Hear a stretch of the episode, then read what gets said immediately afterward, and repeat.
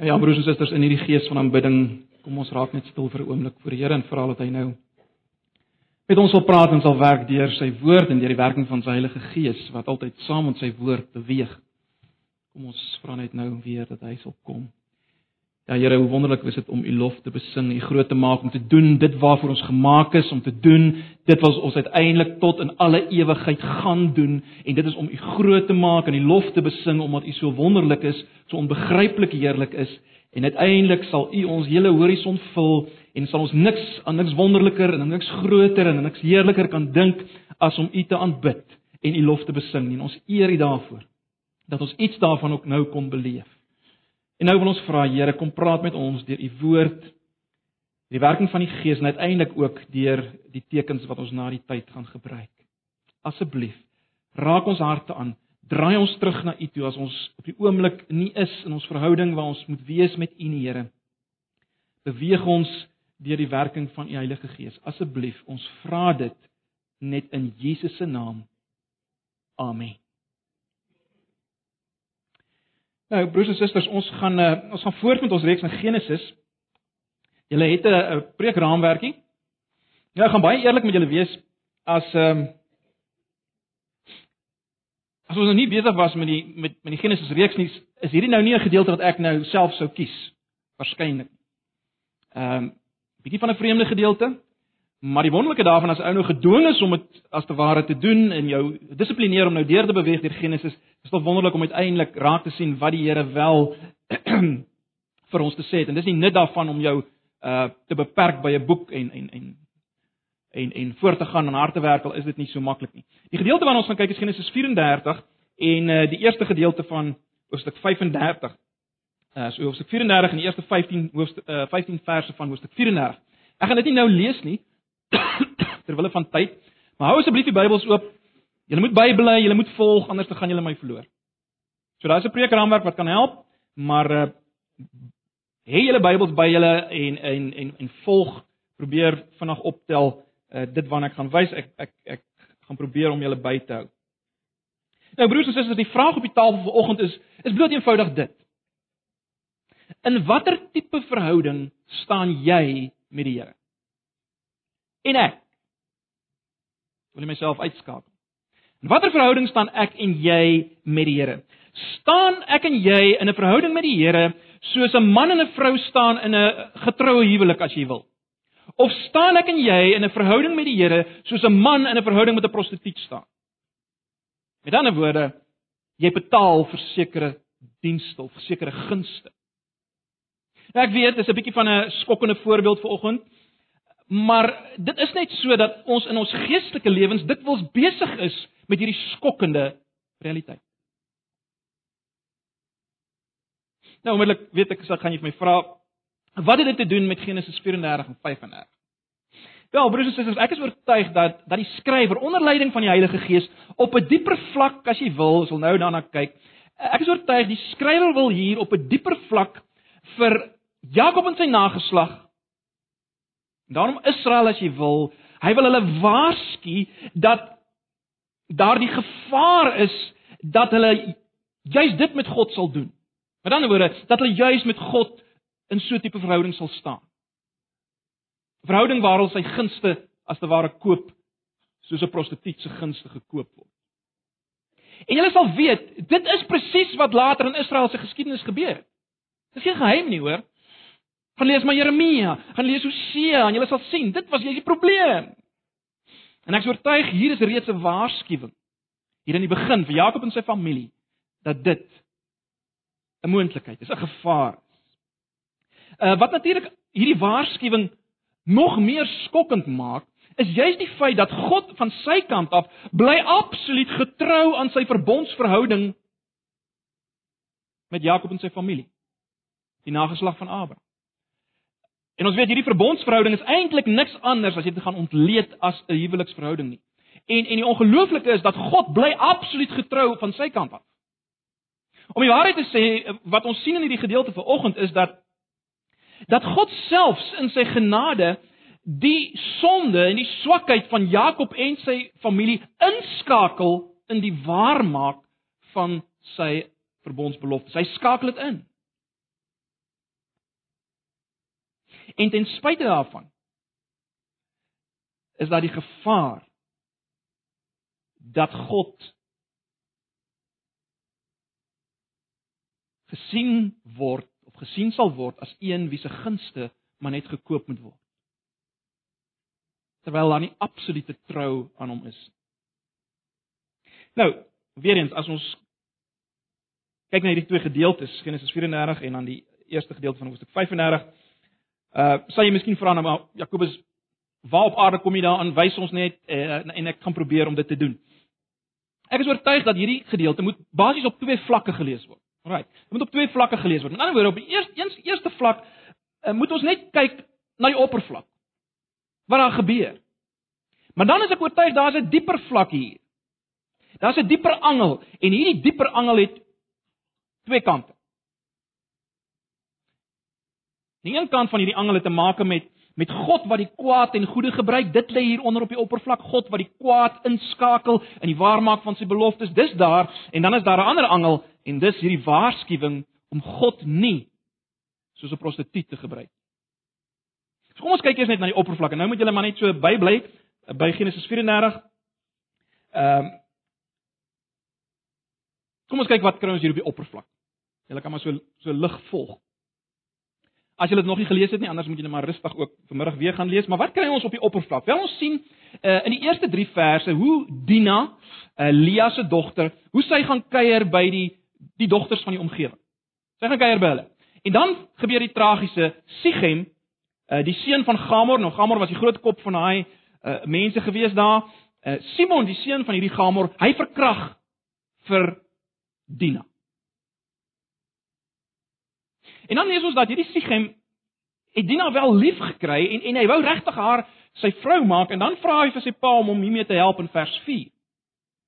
En dan sien ons hoe Gamor, uh Sichem se pa, na Jakob hulle toe gaan en hy uh maak dan daar in vers 8 en 9 sal julle sien in vers 8 en 9 van Hoofstuk 34 maak Gamor die voorstel uh aan Jakob en sy seuns dat dat dat hulle met mekaar moet trou.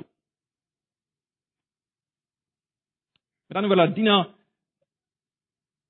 trou met Sichem en dat dat Israel deel word van hierdie familie. Nou, dit sou natuurlik 'n voordeel vir Israel inhou van van grondgebied en so meer, dit sou voordelig wees. In vers 11 van Hoofstuk 34 sê Sichem vir Jakob dat kyk, as hulle instem, sal hy betaal wat hulle ook al wil hê. Hy sal enigiets betaal. Om die waarheid te sê, hy sal die betaling so groot maak as wat hulle wil.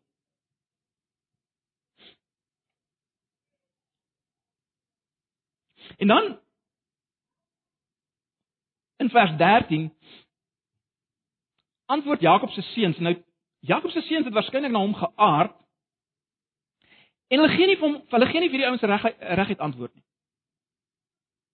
Jakob en sy seuns of Jakob se seuns gee nie reguit antwoord vir Sichem nie. Uh, maar hulle sê, kyk, julle moet julle eers laat besny. Ons kan nie uh verdien hulle trou met julle as en, en ons kan nie begin ondertrou as as as as julle nie almal besny word.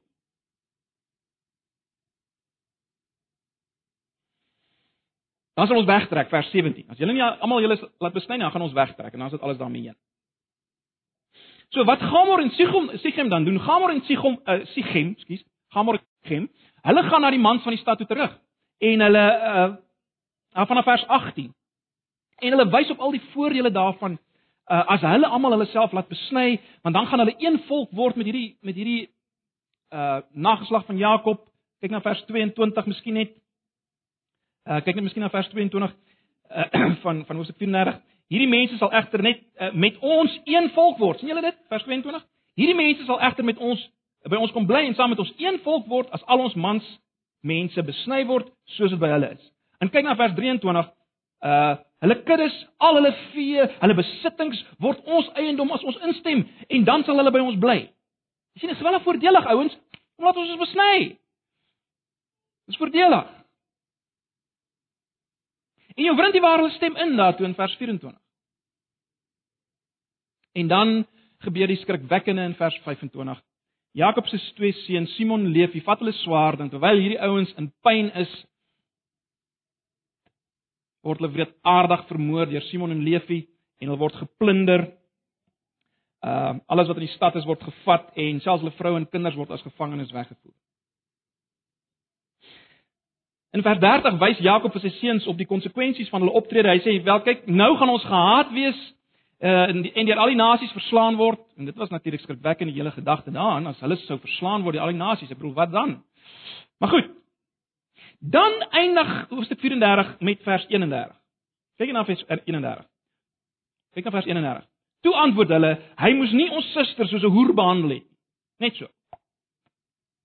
En ek in die oorspronklik is dit 'n vraag. Moes hy ons suster as 'n hoer behandel? En dan hang die vraag in die lug en dan gaan ons oor na hoofstuk 35. En in hoofstuk 35 uh aan die begin van hoofstuk 35 sê God vir Jakob om te teruggaan na Bethel. Nou is interessant want Jakob het eintlik beloof hy gaan teruggaan na Bethel en uh, en en en daar weer altaar oprig, heiligdom. Dis wonder of hy dalk so 'n bietjie vergeet het, maar hoe dit ook al sê, hy gaan terug na Bethel en ons lees dan baie interessant ehm um, vanaf vers 2 van hoofstuk 35 dat Jakob vir sy hele huis sê: "Haal al al, al julle gode uit." Baie interessant. Begrawe al julle gode.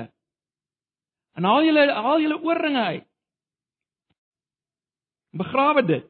En dan uh rig hy die aardsak, hy rig 'n altaar op en uiteindelik in vers 13 ehm um, nog 'n klippilaar en dan gooi hy drankoffers uit van olie en so mee. So dis die oppervlak, broers en susters, dis dis die oppervlak. Dis wat daar gebeur het. Dis wat histories gebeur het. Maar nou, die die dieper angel.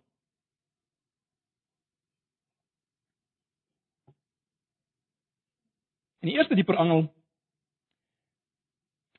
wil ek die opskrif gee: God wat die kwaad ten goeie gebruik. Nou onmiddellik as mens bietjie dieper dink of kyk na hierdie gebeure, dan sien mens hier 'n paar dinge, né? Nee, jy sien onmiddellik weer hindernisse in die pad van die waarmaking van God se beloftes, sy verbondsbeloftes aan Abraham. Hier's 'n paar hindernisse onmiddellik weer. En wat jy ook sien is onmiddellik God wat vasbeslote is om sy beloftes waar te maak, sy verbond te hou ten spyte van alles. Kyk, daar nou omtrent al so 200 jaar verloop sedert Genesis 12, né? Nee, en die beloftes aan Abraham. En nou het hierdie familie van Abraham teen al die struikelblokke in van kinderloosheid en julle weet al die goed wat gebeur het, ek gaan nie alles herhaal nie. Teen dit alles in het Abraham se familie gegroei. Tot waar dit nou is.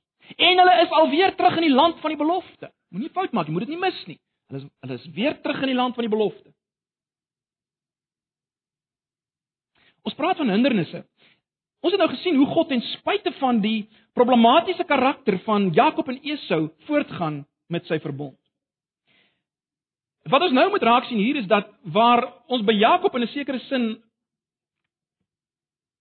in aanhalingstekens onskuldige leuns en uh, plannetjies kry, het hierdie dinge nou gegroei by die seuns van Jakob tot geweld en brutaliteit. En daar is geen twyfel dat dinge wat in Jakob was voortgesit is in sy seuns nie. Hierdie hierdie hierdie hierdie hierdie geneigtheid tot bedrieg bedriegery, né? Nee, ons sien dit in vers 13 van Hoofstuk 34 as hulle nou vir vir Sichem hulle bedrieg oor hierdie storie van die besnydenis. En later met Josef, met die Josef verhaal gaan ons weer sien dat hierdie hierdie hierdie hierdie bedrog is in hulle wat in Jakob was. Sonde word oorgedra. Maar nou is die verrassende broers en susters en dit moet ons raak sien as die eerste dieper vlakpunt hier. Wat ons moet raak sien is dat God die goeie uit hierdie slegte wat hier gebeur kan dit voortkom en dat God te midde van hierdie dinge en in hierdie dinge en deur hierdie dinge sy beloftes hou en bevestig. Hoe sien ons dit? Hoe sien ons dit? Wel, ons ons het nou vinnig verwys na hierdie persoonlike tragedie in Jakob se familie, Dina wat verkragt word. Wat ons moet verstaan is dat hierdie persoonlike tragedie as jy wil, verander baie vinnig in 'n ernstige bedreiging vir die verbond. Uh, ek dink julle het dit reeds opgetel, né? Nee. Kyk net weer na Genesis 34 vers 9 en 10 en dan ook vers 22. Kyk na Genesis 39 vers ag ekskuus Genesis 34 vers 9 en 10. Kyk net weer. Kom ons word familie van mekaar vers 9. Dan kan julle dogters met ons trou en ons dogters met julle. Vers 10. Dan bly julle hier by ons. Ons land is tot julle beskikking, bly net hier of trek rond en kry julle eie grond hier by ons. En kyk dan net aan vers 22, ons het nou net gelees. Vers 22: Hierdie mense sal egter net by ons kom bly en saam met ons een volk word as al ons mans mense besny word. Wat kry ons hier? Ons kry 'n aanbod tot ondertrouery. Dit is baie duidelik, né? Nee. Nou, broers en susters, natuurlik sou daar korttermyn voordele wees op ekonomiese gebied, op sosiale gebied sou dit lekker voordele inhou vir vir vir Jakob se nageslag, maar ons weet uiteindelik sou die verbond self vernietig word en bedreig word. Dit sou daarmee heen wees. En wat sien ons dan? Ons sien in hierdie verhaal hoe Simon en Levi, Jakob se seuns, 'n stokkie steek voor hierdie ondertrouery. As hulle hulle swaarde vat en hierdie ouens uitdelg. So, ons kan nie anders as om te sê dat Simon en Levi in 'n sekere sin red die verbond. Nee, dis wat hulle doen. Maar broers en susters, ons moenie 'n fout maak nie. Hulle optrede was totaal onaanvaarbaar. Hulle optrede was anti-God, wreed. Gebore uit 'n leuen. Verseker. Maar tog, en dis die ongelooflike hier, tog ek gebruik maar altyd die term deur kruis, tog deur kruis God dit en hy gebruik dit om sy beloftes te hou aan Jakob en sy nageslag. En ek weet sommige van julle sal dit nou vreemd vind dat God dit kan gebruik, maar kom ons dink so daaraan broers en susters, as God As God in hierdie wêreld net deur Christelike godvreesende gedrag werk in hierdie wêreld. Wel, dan's daar nie baie wat in hierdie wêreld kan doen nie. Want dit is 'n sondebesmette wêreld. Dit is 'n sondebesmette wêreld. God deur kruis en werk selfs deur die goddelose dinge en bereik sy doelwitte. Maar moenie 'n fout maak nie. Baie belangrik. Moenie moenie my vandag verkeerd hoor nie. God is nie verantwoordelik vir die sondige optrede van Jakob se seun Simon en Levi nie. Moenie die skuld aan God toeskryf nie. Sonde is nooit die eerste oorsaak by God nie. Sonde het in die wêreld ingekom teen God se bedoelinge. Ons moet dit onthou. Dis wat die Bybelse verhaal vir ons gee. So die sonde van Simeon en Levi lê nie aan die kant van God nie. Maar die ongelooflike is dat God kan hierdie negatief van Simon en Levi deur kruis om sy verbondsbeloftes waar te maak. Sy verbond te beskerm.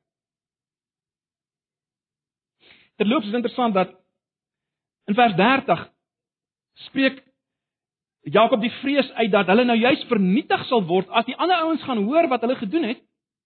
Dan gaan hulle vernietig word. En terloops, onthou nou dis dis 'n finale bedreiging vir die verbond. As die ander nasies Jakob en sy nageslag sou uitroei as gevolg van hierdie optrede, waar is die verbond van God? Waar is God se beloftes? Poep, weg. Niks oor. Weet julle wat is so fascinerend? As jy nou kyk na Hoofstuk 35 vers 5.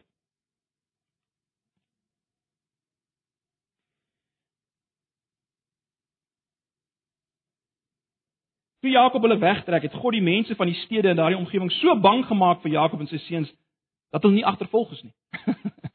Dit gewerk God deur dit. Jakob het gedink, "Wow, hierdie ding wat julle nou gedoen het gaan veroorsaak dat al die ouens ons haat en hy gaan ons gaan ons uitroei." Weg is die verbond. God deur kruis dit en hy maak dat hierdie ouens so bang raak vir hulle dat hulle hulle glad nie agtervolg nie. Nie verbond is veilig. sien dis hoe God werk. Ongelooflik. Ongelooflik. God is groot. God is heerlik. God hou sy verbond ja selfs deur die kwaad heen. Selfs dit is nie 'n bedreiging vir hom nie. Hy deur kruis en hy maak van die negatiewe positief. Ons sal weer daarna kyk as ons by Josef by die Josef verhaal kom. Maar nou, die tweede dieper angel. En dis die eintlike een waarby ons vanoggend wil stil staan, nê, nee, is dit. Die waarskuwing om God nie soos 'n prostituut te gebruik nie. Ek is oortuig die skrywer wil wil iets hiervan sê. Uh kom ek sê dit so. Wat ons moet raad sien is te midde van van God wat getrou bly aan sy verbond. Selfs die kwaad deur kruis om sy beloftes te hou, te midde daarvan is daar die groot gevaar dat sy gunste gekoop kan word, dat hy behandel kan word soos 'n prostituut. En spite van God wat getrou is in sy liefdes of huweliksverhouding met die volk, hy's getrou. Hy hou dit deur alles heen hou hy dit. Maar daar's die 'n gevaar te midde daarvan. Nou, nou moet julle net bybly. Om hierdie gevaar raak te sien, moet 'n mens die vraag vra: Waarom is vers 34 voor hoofstuk 35? In ander woorde, bedoelende, waarom is die inhoud van vers van hoofstuk 34 voor die inhoud van hoofstuk 35? En waarom eindig hoofstuk 34 met met hierdie met hierdie vraag soos dit in die oorspronklik is of stelling soos dit in die 83 vertaling is. Kyk weer na vers 31. Toe antwoord hulle: Hy moes nie ons suster soos 'n hoer behandel het of prostituut. En hierdie stelling hang hang in die lug. Daar word niks verder gesê nie. Net top hang hy. Nou as 'n mens hierdie aanvanklike vraag in 'n in 'n stelling verander of soos ek sê dis nou alreeds in 'n stelling gemaak in die 83 vertaling. As mens dit bietjie in ander woorde stel dan dan sou mens dit so kon vertaal, né? Nee. Luister mooi. Hulle het geen reg gehad om ons suster te behandel soos iemand wie se gunste te koop is nie. Hulle het geen reg gehad om ons suster te behandel soos iemand wie se gunste nie te koop is nie.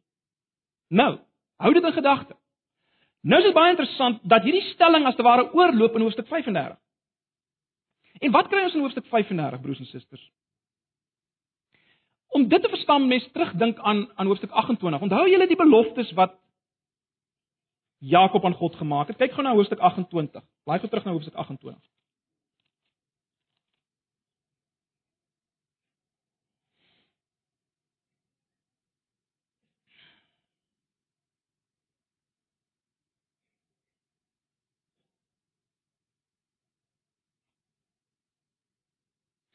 Daar het Jakob hierdie beloftes gemaak. Vers 20 van hoofstuk 28. Jakob het toe gelofte afgelê en gesê: "As U o God by my is en my beskerm op my reis en vir my kos en klere gee, sodat ek behoue terugkom by my ouer huis, sal U Here my God wees. Hierdie klippilaar, let wel, hierdie klippilaar hier by Bethel wat ek regop gesit het, sal U uh, uh, of sal 'n tempel wees. Dis nou hoe ons dit vertaal het letterlik 'n heiligdom, 'n altaar, plek van aanbidding, net soos jy dit wil vertaal. Hierdie klippilaar wat ek regop gesit het, sal 'n tempel wees." En van alles wat U my gee, sal ek vir U 'n tiende gee. Dis baie belangrik. En van alles wat U my gee, sal ek vir U 'n tiende gee.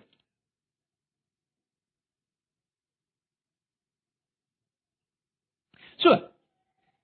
En hoofstuk 28 het Jakob die beloftes gemaak dat as God vir hom deurkom, dan sal God sy God wees. Hy sal vir God 'n 'n heiligdom oprig hier by Bethel en hy sal 'n tiende gee van alles wat hy het. Nou is Jakob nou se 35 weer by Bethel. En broers en susters, al word dit nie eksplisiet gesê nie. Daar word nie eksplisiet gesê dat hy sy tiendes hier gegee het nie. Maar daai laaste twee beloftes wat Jakob in Hoofstuk 28 vanaf vers 20 gegee het, word na alle waarskynlikheid hier waar. Hy rig 'n altaar op. Dis waarvan hy gepraat het dat hy 'n soos hy dit daar genoem het 'n tempel gaan oprig vir hom of heiligdom. Jakob rig nou 'n altaar op en en ons kan met redelike sekerheid aflei dat dis hier op die altaar waar hy sy tiendes gebring het. Onthou daar was nog nie 'n tempel waarna toe jy jou tiendes kon vat nie. Die enigste manier waar jy hoe jy jou tiendes kon bring is om jou tiendes op die altaar te offer. En, en daarom is daar redelik sekerheid ook onder onder ouens wat wat ingaan op hierdie goed dat dit is wat hier gebeur het. Hy bring sy tiendes hier. So Jakob betaal sy tiendes hier as hy hierdie altaar oprig in hoofstuk 35. Dit wat wat hy beloof het. En nou. En nou, as mens op 'n dieper vlak dink en as mens en mense is oplettend, dan is die vraag hier Wag, wag, wag. Is daar dalk 'n moontlikheid dat Jakob en sy familie God soos 'n prostituut behandel? Kyk, onthou nou, Hulle het nou van God gekry wat hulle wou gehad het. In ooreenstemming met die met daai eh, gelofte wat Jakob by Bethel afgelê het in Hoofstuk 28. Wat het hulle gekry van God? Hulle het beskerming van God gekry. Hulle het voorsiening van God gekry. Hulle is weer terug in die land. En wat doen hulle nou? Nou betaal hulle die prys daarvoor. Bou 'n altaar, gee waarskynlik die tiendes daar op die altaar. Hulle betaal die prys daarvoor. En die vraag wat jy jouself onmiddellik moet afvra en ek is nogal oortuig die skrywer wil hê ons moet dit vra. Die vraag wat ons moet vra is, maar luister, is dit nie presies wat Sichem nou net gedoen het nie? Sichem was gewillig om die bruidsprys te betaal en selfs besnydenis te ondergaan. Net soos die tiendes. Hy het dit alles gedoen vir die voordele van die verhouding met Dina en die en die hele stad het hulle self uiteindelik laat besny vir die voordele van die verhouding met die verbondsvolk. En as jy nou nog dink ek vat 'n kans, wat dit alles vir mense redelik bevestig is die feit dat nou in hoofstuk 35 is daar melding van Jakob en sy familie wat ontslaa raak van die afgodsbeelde by hulle in hoofstuk 35 vers 2. Kyk gou na hoofstuk 35 vers 2. Vers 2 van hoofstuk 35. Toe sê Jakob vir sy hele huis en sy, en almal by hom: "Haal uit al die afgodsbeelde wat by julle is, reinig julle en trek ander klere aan. Ons moet klaarmaak en na Bethel toe gaan. Daar moet ek 'n altaar gaan bou en so voort." Dan gaan hy so aan. Vers 4. Hulle toe al die afgodsbeelde in hulle besit vir Jakob gegee en ook hulle ooringe. Hy het dit onder die groot boom by Sichem begrawe. Nou. In die eerste plek waarskynlik daai eerste gelofte wat wat Jakob aan God gemaak het in Hoofstuk 28 as hy sê u sal my God wees. Dis waarskynlik hoe Jakob dit nou wil bevestig deur al die ander goed te begrawe. Alraai, so toegegee. Maar nou broers en susters is baie insiggewend dat hier is nou die eerste keer, het julle dit opgelet? Hier is die eerste keer sprake van gode in die midde van Jakob se familie behalwe nou na die kort verwysing na die huisgooi huisgoetjies van van van van Rebekka, nê? Nee, onthou julle daar in hoofstuk 31. Maar ewe skielik is hier nou sprake van klomp gode wat begrawe moet word. Het julle dit opgelet? En daar sprake van hierdie ooringe. Nou die ouens wat opgrawings doen sê vir ons dat op hierdie ooringe is is afbeeldings van van afgode gevind. So waarskynlik het dit ook daarmee te doen. Hierdie ooringe. En nou, Wat 'n mens maklik kan mis is dit. Het jy opgelet dat Jakob begrawe dit? Het jy dit opgelet? Nou broers en susters, begrawe is nie dieselfde as vernietig nie, hoor. Het julle die res van die Bybel gelees? Het julle gesien hoe God ernstig is dat die gode en die afgods altaar en goed moes vernietig word? Wat doen Jakob hier? Hy begrawe dit. Nou baie interessant en ongelukkig sien mense dit nou nie raak in ons vertalings nie. In die Hebreëus is die woord vir begrawe wat hier gebruik word, is die woord vir wegsteek, hoor. Trouwens is baie interessant, dis presies dieselfde woord as wat gebruik word in Joshua 7 vers 21 en 22, presies dieselfde Hebreëse woord wat in Joshua 7 vers 21 en 22 gebruik word as aangaan van die bangoed wegsteek. Right. So hier kom 'n paar dinge op die tafel. Nou julle sal weet, weer eens die latere profete het Israel eksplisiet beskuldig dat hulle in 'n prostituutverhouding met die ander gode is, né? Nee. Julle julle sou dit al gelees het. Weer eens Jesaja, Jeremia, Jeremia val, Hosea val. So, wat is die gevaarlike ding hier? Aan die een kant is die gevaarlike ding dat God betaal kan word om sy gunste te verkry maar dat daar ook ander gode by die volk is, ander gode wat nie vernietig word nie, net weggesteek word vir die oomblik om God gelukkig te hou, word dit weggesteek. En die gevaar is daar, die gevaar in dit alles is wat? Die gevaar in dit alles is dat dat die volk nie aan God alleen getrou is nie, soos 'n man teenoor sy vrou alleen moet getrou wees nie. Nee, daar's ook nog die ander goetjie goetjies wat weggesteek word. Ja, God word uh, God se gunste word gekoop, daar word betaal voor sodat hy al die voordele van die verbondsverhouding kan gee. Ons dom nie alleen lief. Nou, baie vinnig, broers en susters, as as dit die onderliggende boodskap hier is, dan is dit natuurlik 'n ontsaglike ernstige boodskap. Hoekom? In die hele Jakob verhaal is dit interessant hoe God mense dit laat ondergaan wat hulle aan ander gedoen het, né? Nee. Jakob bedrieg en lieg, Laban doen dieselfde met hom. Alraai. So dis 'n patroon wat 'n ou kry in hierdie Jakob verhaal. Wat probeer ek sê? Wat ek wat ek probeer sê is dit is hier nie dalk die hele vraag of God nie dalk vir Israel dieselfde behandeling sal laat ontvang as wat Simon en Levi die mense van Sichem laat ondergaan het. Is dit nie die gevaar nie? In ander woorde, anders gestel, as hulle God so gaan hanteer nie. Is daar nie daai gevaar nie? Nog 'n interessante ding is net dit, broers en susters, die hele verwysing na die besnydenis, daar's heel waarskynlik ook iets dieper wat daarin lê, né? Nee. Die die feit dat daarna verwys word na die ouens van Sichem en en en en al die mans wat besny moes word en toe doodgemaak is. Uh of besny moes word vir al die om al hierdie voordele te kan kry en toe hulle uiteindelik nou doodgemaak deur Simon en Levi. Maar die die feit dat daar verwysings na die besnydenis, is dit nie is dit nie interessant nie. Want jy sien, wat is die wat is die wat is die uitdaging en die vraag aan Israel? Wel, het Israel dalk hulle besnydenis nie baie ernstig bedoel nie? Het Israel dalk hierdie tydelike ongemaklikheid van besnydenis deurgegaan vir die voordele van 'n verhouding met God, van 'n verbondsverhouding waarin hy alles vir hulle geen doen, het hulle maar vasgebyt in hierdie ongemaklikheid hierdeur gegaan. Terwyl hulle nog ander goedjies het. vir hulle eie gerief. Terwyl hulle ander goedjies koester. En die gevaar is as hulle dit doen, gaan met hulle gebeur dinge wat baie erger is as wat gebeur het.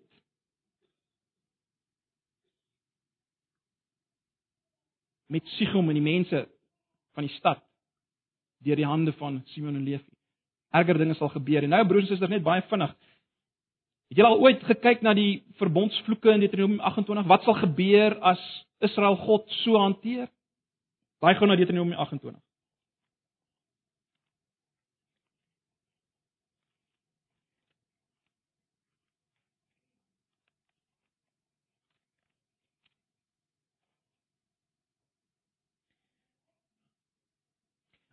Ons het uit die aard van die saak nie tyd om alles te lees nie. Doen jouself 'n bietjie guns en gaan lees hierdie vloeke deur. Ons lees dit van vers 16 af, dat jy net die idee kry. Deuteronomium 28 vanaf vers 16. Kyk, luister. Dis nou as jy die verbond verbreek, hierdie huweliksverhouding, as jy ontrou is in hierdie huweliksverhouding met God. Wat sê God vir die Israeliete?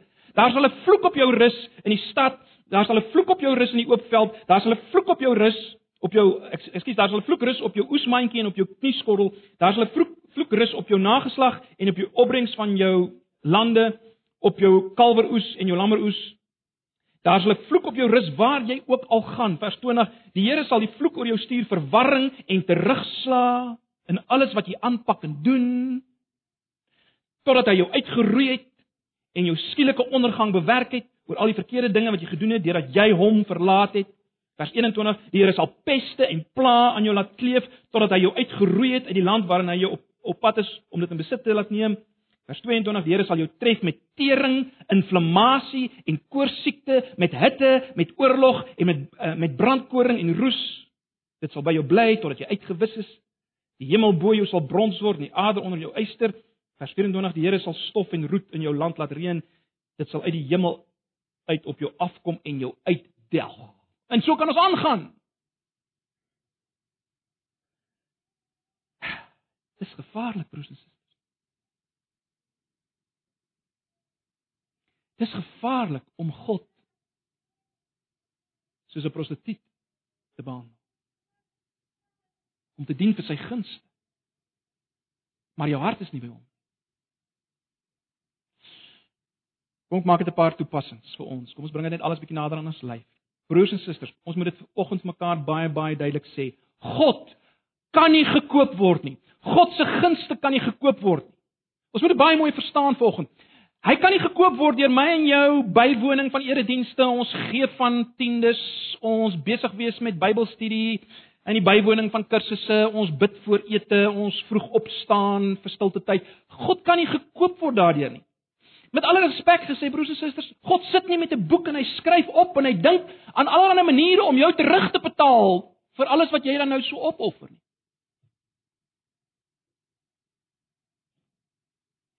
God het nie behoeftes waarin ons kan voorsien nie. Hy skuld ons niks. En wat hy vir ons gee, kan nie van hom gekoop word nie. Ons moet baie mooi verstaan, hy skuld ons niks. Ons kan nie in sy behoeftes voorsien nie. Maar alle eer, alle aanbidding, alles wat ons het, al ons besittings kom hom toe. Daar God byvoorbeeld in Malagi kan sê, julle besteel my as julle nie tiendes gee nie. Julle besteel my, dit kom my toe. En daar's 'n groot verskil, sien jy? Maar goed. Broers en susters, die reformatie het het het het die waarheid dat ons nie vergifnis kan koop nie baie duidelik op die tafel gesit, nê? Nee, teenoor die kerk van die dag met die uh, sogenaamde aflaatstelsel waar jy kom betaal vir vergifnis van sonde, gooi jy daai dit seker nie 'n nooitjie nie, seker 'n harde geldjie gooi jy in en dan word jou sonde afbetaal. Die reformatie het gesê nee, nee, nee, jy kan nie vergifnis koop by God Maar broers en susters, niks van God se gawes kan gekoop word. Hoe voel God? Kom ons dink vir 'n oomblik en kom ons gebruik 'n bietjie 'n ander beeld, bietjie 'n sagter beeld as die een van prostitusie. Kom ons gebruik 'n sagter beeld. Hoe voel God as ons hom probeer betaal vir wat hy vir ons gee? Eh, dit is so goed 'n 6-jarige kind kom by sy ma en hy skryf 'n cheque uit en hy sê ma, dis nou vir uh, vir al die kos wat ma vir my elke dag gee en uh, vir my klere en en en dat ma my by my maatjies laat speel en ensovoorts ensovoorts. ensovoorts. Hoe sal die ma voel? Geskok. Broers en susters, God kan nie betaal word vir sy gunste nie aan een kant. En ons word nie beloon vir ons dien van God nie.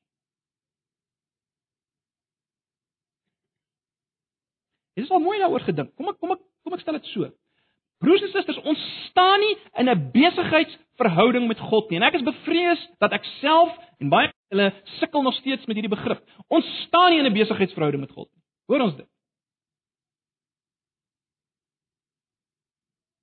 Hoekom gee God vir ons ontelbare seënings? Hoekom gee hy vir ons die grootste seën van alles, naamlik homself in Jesus Christus? Hoekom doen hy dit? Daar is net een rede, omdat hy ons liefhet. Onbegryplik lief. Hoekom weet ek nie. Maar is nie omdat ons 'n teenprestasie lewer nie, net so min as wat Jakob en sy familie teenprestasie gelewer het.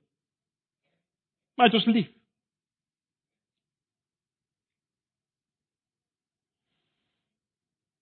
En broers en susters, hy gee nie vir ons hierdie dinge sodat ons nou weer van ons kant af vir hom meer nee. Nee. Ag, ons moet tog wegkom daarvan onbewustelik dat ons as te ware God dophou en kyk hoe gee hy vir ons terug? Hoe presteer hy as te ware? En dan wil ons hom as te ware uh, ons wil hom uh, ons wil hom bevordering gee op grond van sy prestasie teenoor ons.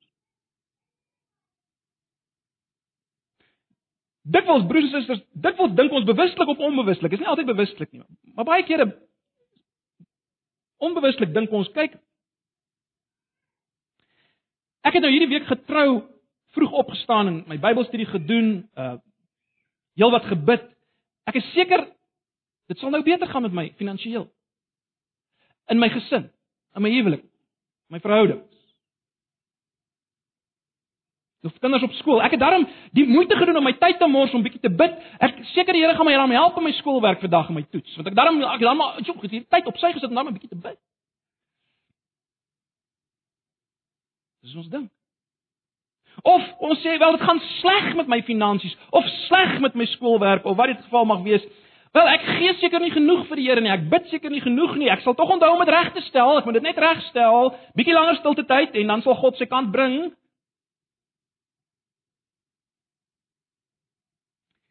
Broers en susters, dit grief die Here. Want jy sien hy staan nie met ons in hierdie tipe verhouding nie. Waar kry ons dit? Hy staan nie met ons in hierdie tipe verhouding nie. Ons moet dit verstaan vanoggend. Ek en jy, luister mooi. Dis net geweldig arrogant as jy dink jy kan God betaal vir enigiets want broers en susters, ek en jy kan nooit ons skuld betaal of vergifnis bekostig nie. Jy kan dit nie bekostig nie. Ek kan dit nie bekostig nie. Nie een van ons kan daarvoor betaal nie. Ons het eenvoudig nie die bronne om dit te bekostig nie. Dis totaal arrogant en simpel as jy dink jy kan dit bekostig. Ek en jy kan nie betaal vir dit wat hy aan ons plek gedoen het op daai Vrydag meer as 2000 2000 jaar gelede op Golgotha nie. Ons kan nie betaal daarvoor nie. Toe hy homself gegee het uit liefde vir jou. Uit liefde, nie omdat hy iets ouliks in jou gesien het. Nee, Romeine 5 sê jy was nog 'n sondaar, jy was nog goddeloos, jy was 'n vyand. Terug na ons. Broers en susters, hoekom hoekom gee ons tyd en energie en geld vir die Here.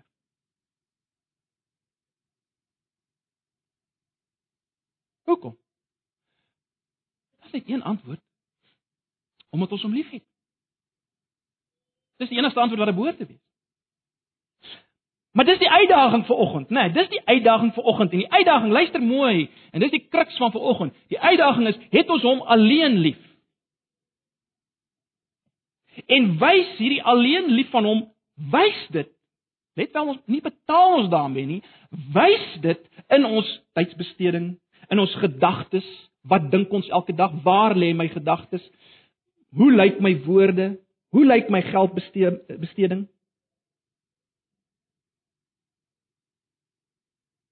Is hy die middelpunt of ander gode? Ander gode wat uh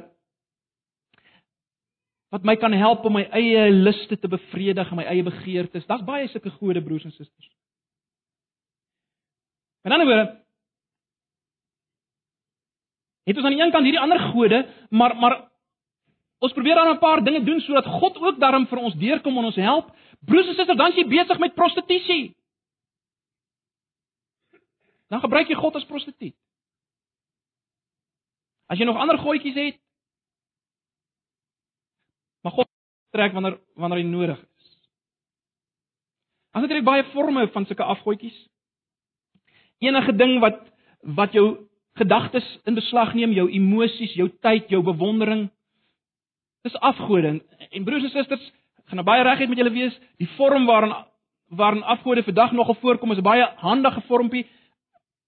Ons dit 'n smartphone. En ek weet julle sal vir my sê ja, my Bybel is op die smartphone, dis wonderlik. Maar dit is 'n ontsaglike gevaar. Ag ek ek moet dit van my hart kry. Broers en susters, as ek rondkyk rondom my by skole, jy stap by 'n restaurant verby en ek sien hoe mense vasgenaal is met hierdie goetjie. Woew, daar's nou 500 mense op my Facebook. Hoe wonderlik is ek. Dankie goetjie. Dankie vir die klomp WhatsApp wat ek gekry het vandag om te sê ek is oulik. Kom ons gaan kyk al die games wat daar is waarmee ek my kan besig hou, wat my luste kan bevredig. Al my tyd, al my emosies, al my aandag, pas hom soos goud op. Wat se tyd gee vir God? Ag. Ek weet ek hoop jy sal verstaan, ek probeer nie sê selfoon is verkeerd in sigself nie. Maar broers en susters, daar's 'n gevaar. Die duiwel is slim. Vra jouself af. Wat sê ons vir God as as ons baie meer tyd en emosie en energie en vreugde insit in iets soos 'n selfoon. Ek sê nie dit moet 'n selfoon wees, kan baie ander dinge wees, hoor. Maar wat sê ons? Ag Here, U moet verskoon, maar hierdie ding is vir my baie ouliker as U. Stel baie meer belang hierin. Gee baie meer tyd hiervoor. U weeg net nie op hierdie nie. Dink daaroor broers en susters. Kom ons dink daaroor. En dink vir wie ons dit sê. Ons sê dit vir die een wat uit liefde homself gee vir ons, die een wat sy beloftes hou, hy bly getrou ten spyte van wat ons doen. Hoe kan ons aangaan? As ons nou nagmaal vier. Kom ons bedink dit. Wat moet ons bedink? Wel, kom ons bedink die een waarmee ons te doen het. Dis nog waar die mag nagmaal gaan, nie waar nie? Kom ons bedink dit dat hy vir my om my te koop om in 'n volmaakte huweliksverhouding met my te staan, het hy sy bloed laat vloei vir my. Hy het my so lief om een te wees met my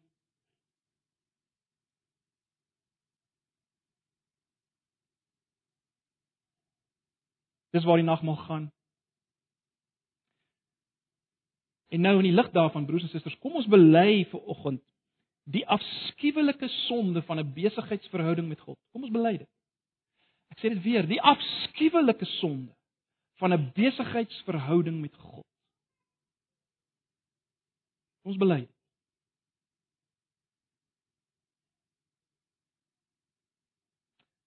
Praat ons vir 'n paar oomblikke stil word, bring dit voor die Here. Ek net afsluit hiermee. Ons gaan kyk na die vloeke van Deuteronomium 28 vanaf vers 15 en verder. Is dit nie ongelooflik dat Jesus self hierdie vloek daai vloek op hom geneem het nie. Het julle dit al gesien in Galasiërs 3 vanaf vers 13? Galasiërs 3 vanaf vers 13. Dis mooi. Christus het ons losgekoop van die vloek wat die wet, die verbond meebring deur in ons plek 'n vervloekte te word. Daar staan naamlik geskrywe vervloek is elkeen wat aan die hout opgehang is. Dis wat Christus gedoen het. Hy het onder die verbondsvloek ingegaan. Die vloek wat ek en jy verdien, al daai dinge van Deuteronomium 28, dit het op hom gekom sodat ek en jy die seën kan kry waarvan Galasiërs verder praat. Die seën wat Jesus is, die seën wat die Gees van God by ons is. Gaan lees maar self Galasiërs 3 verder.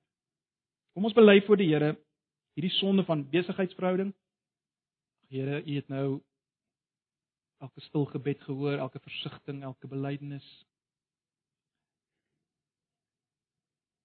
Ons nou vra Here dat U ons bewus sal maak van U teenwoordigheid en bewus sal maak van U genade. U vergifnis ten spyte van dit waarmee ons besig is. Dankie dat U ons steeds liefhet met die liefde waarmee ons liefgehad het op Golgotha 2000 meer as 2000 jaar gelede. Help ons om dit te vat vir oggend as ons die nagmaal gebruik om te hoor daar's vergifnis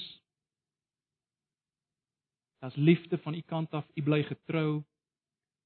So seker as wat ons hierdie tekens kan sien en dit kan gebruik, u bly getrou. Ag Here, kom versterk ons geloof in hierdie oggend. Uit genade uit. Ons dankie vir u genade in Jesus se naam. Amen. Vra net wat van die dakens net vir ons hier. Kom op. Kom op.